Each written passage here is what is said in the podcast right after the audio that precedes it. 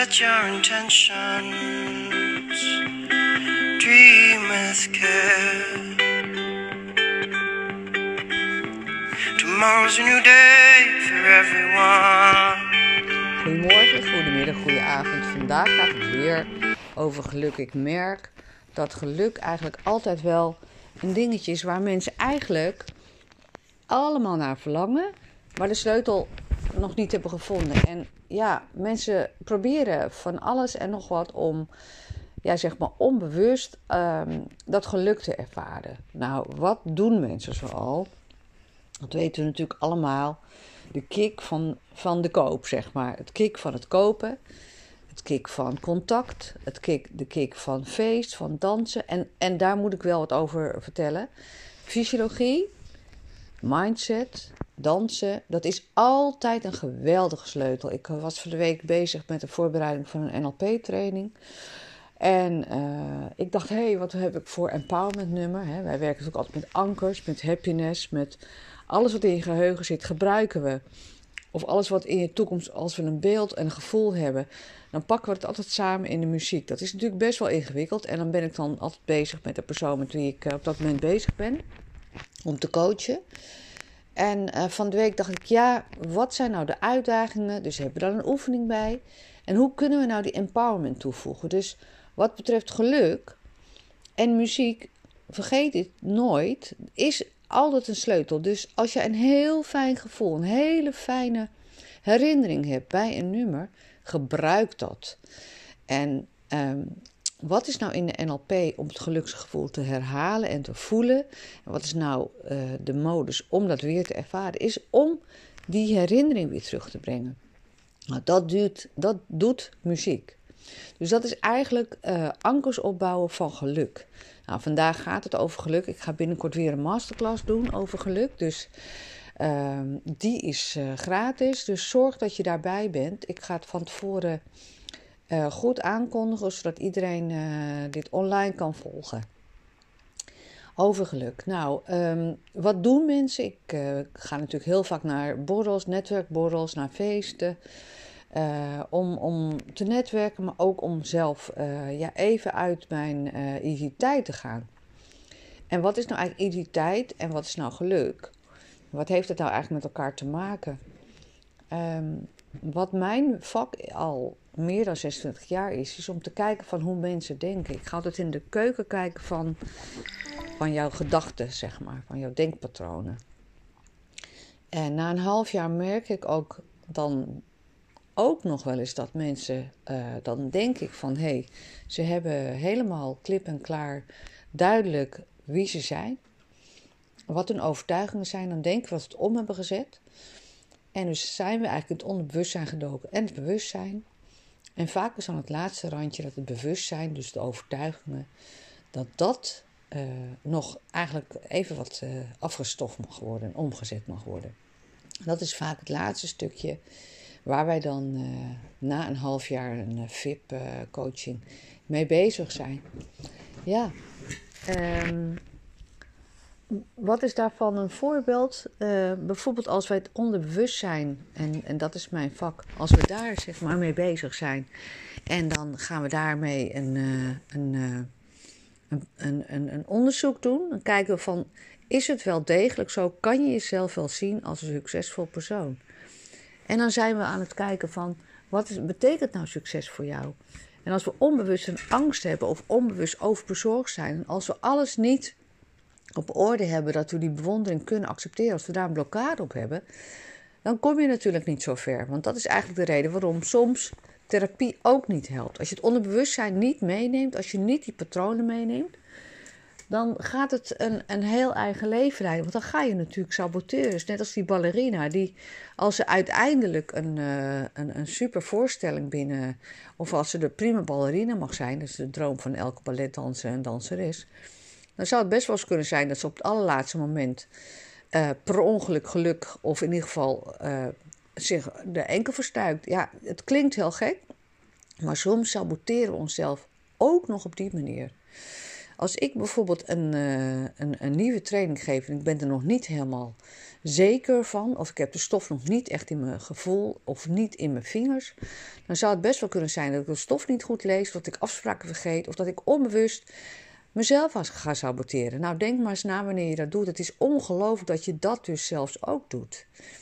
Ja, ehm, waar wij mensen mee opbouwen, hè, waar we naar gaan kijken, is welk doel hebben we nou? Hè? Wat, wat zou je nou echt willen? Wat is het gevoel? En het gevoel is vaak hè, van wat nou jouw innerlijke kompas wil. Is het acceptatie? Is het respect? Is het bewondering? Nou, dat willen eigenlijk de meesten. En wat mijn taak is, is eigenlijk om te kijken van wat is nou eigenlijk echt belangrijk. Dus ik ga echt ontleden met jou wat jouw DNA, wat jouw emoties, wat voor jou belangrijk is. Mensen denken dat hoe jij zeg maar van binnen uh, functioneert, dat dat de meesten op die manier ook functioneren. Maar dat is dus niet zo. Iedereen heeft een eigen programma. Daar heb ik het al heel vaak over gehad. Dus eh, ga alsjeblieft eventjes al mijn podcast luisteren. Hoe mensen en, hoe, hoe dat in elkaar steekt. Ehm, voor mij is het van belang. En dan kom ik er dus achter dat, uh, dat mensen eigenlijk die overtuiging nog niet los hebben gelaten. En heel vaak vraag ik na een half jaar aan iemand van... Wat is nou voor jou uh, de oplossing geweest wat is voor jou zeg maar een aha-moment geweest dat je dacht van hé, hey, dat kan ik nou loslaten. Dat kan bijvoorbeeld zijn overdreven perfectionisme. Of het kan zijn dat je altijd maar aanstaat. Dat je altijd maar denkt, oh ik moet, ik moet, ik moet. Ik loop soms wel eens op straat. Mijn basisbehoeften, ik heb, hè, iedereen heeft vier belangrijke. Die uh, bijvoorbeeld dan, dan, dan zie ik mensen op straat en denk, oh my god, ik kom net uit bed. Ik ben niet full package gedressed. Ik heb, niet, uh, ik heb geen make-up op. Ik loop onder mijn jas als een zwerver rond. Uh, mijn haar is niet uh, 5000 keer gekamd.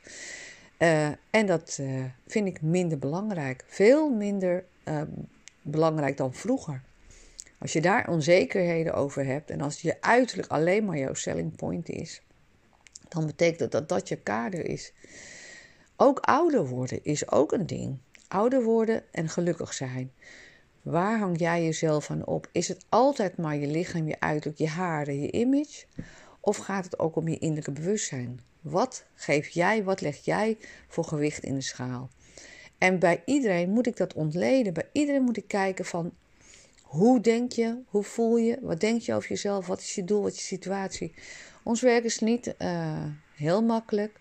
Uh, ik verlang altijd een, uh, een succes minstens uh, na een half jaar of na een jaar. Um, en dan vraag ik natuurlijk ook aan mensen wel: van hey, heb je huiswerk gedaan? Heb je bewustwording? Heb je geoefend? Heb je alle patronen weggehaald? Dus bij mij is het absoluut hard, hard werken. In een training vraag ik natuurlijk ook heel veel aan mensen, maar dat wordt makkelijk omdat het onderbewustzijn pikt alles op. Dus mochten mensen niks oppikken, dan gaat het onbewustzijn er best wel mee aan de gang. En dat is ook duidelijk geworden met bijvoorbeeld de laatste cliënt uh, die ik vrijdag had. En uh, toen vroeg ik aan deze persoon van wat was nou voor jou zeg maar het aha-moment. Nou deze man was een Don Quixote. Die wilde alles en iedereen bevechten. Die ging door ramen en ruiten heen om zichzelf maar te bewijzen. Omdat hij eigenlijk in was gesteld op ontberen. Dus hij ging door alles heen. Hij ging de meest moeilijke situaties, conflicten aan. Ja, en daar word je natuurlijk op afgerekend. En uh, het gaat je eigenlijk nooit vervullen, vervullen, want die Don Quixote, en dat is een hele mooie metafoor, ja, die, die, die uiteindelijk blijft hij maar rennen. En blijft hij maar op die blijft hij maar vechten. Maar is dit je doel? En gaat dat als je daar niks aan verbindt? Want je kan natuurlijk vechten en je kan hele kleine succesjes tot een heel groot succes en geluksgevoel um, um, gaan vertalen. Dan ben je natuurlijk ook gelukkig. Maar als je alleen maar die. Nou, eigenlijk uh, vraag ik aan mensen: is het een bereikbaar doel? Als je altijd maar bezig bent met die top en onbereikbare doelen.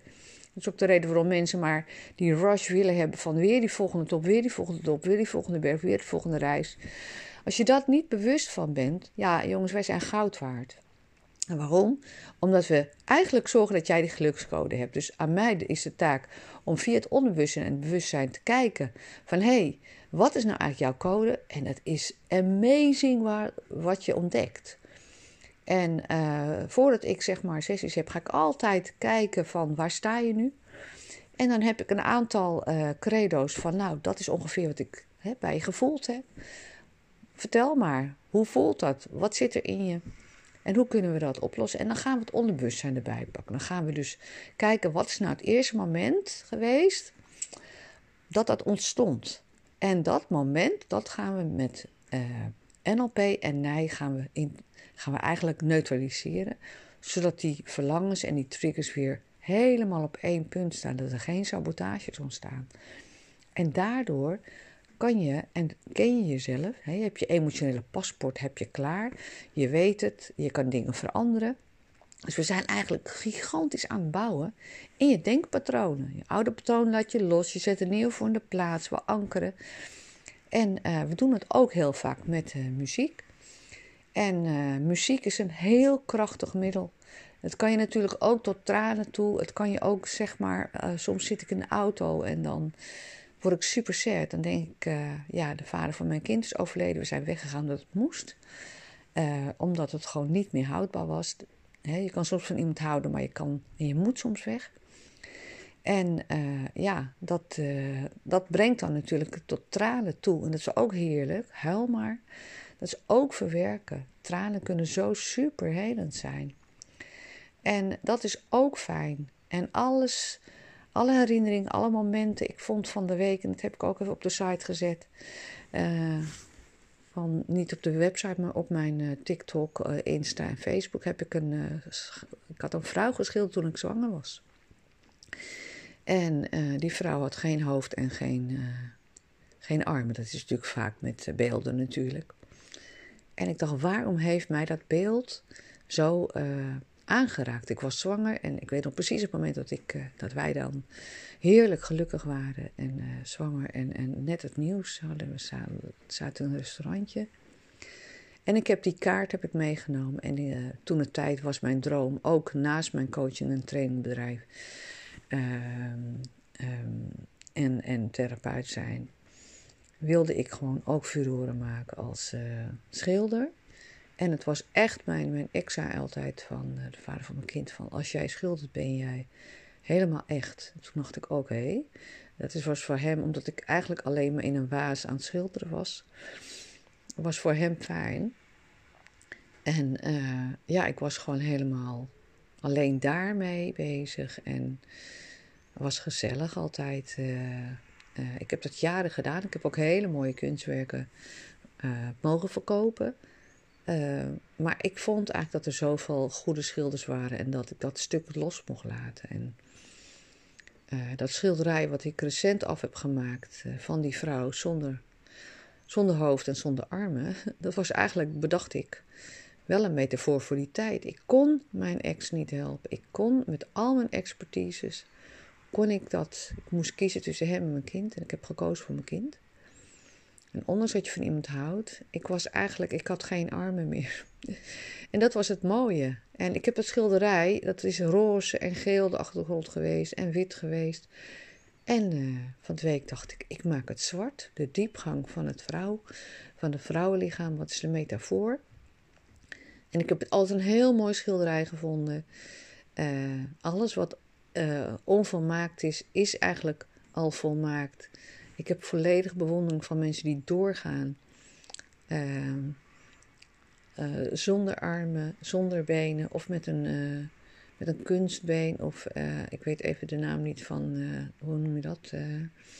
Zo'n zo'n zilveren voetstuk. En dat je dan ook nog atleet bent. Nou, dat, dat is ook NLP, dat is wilskracht. Dus niet in de slachtofferrol duiken.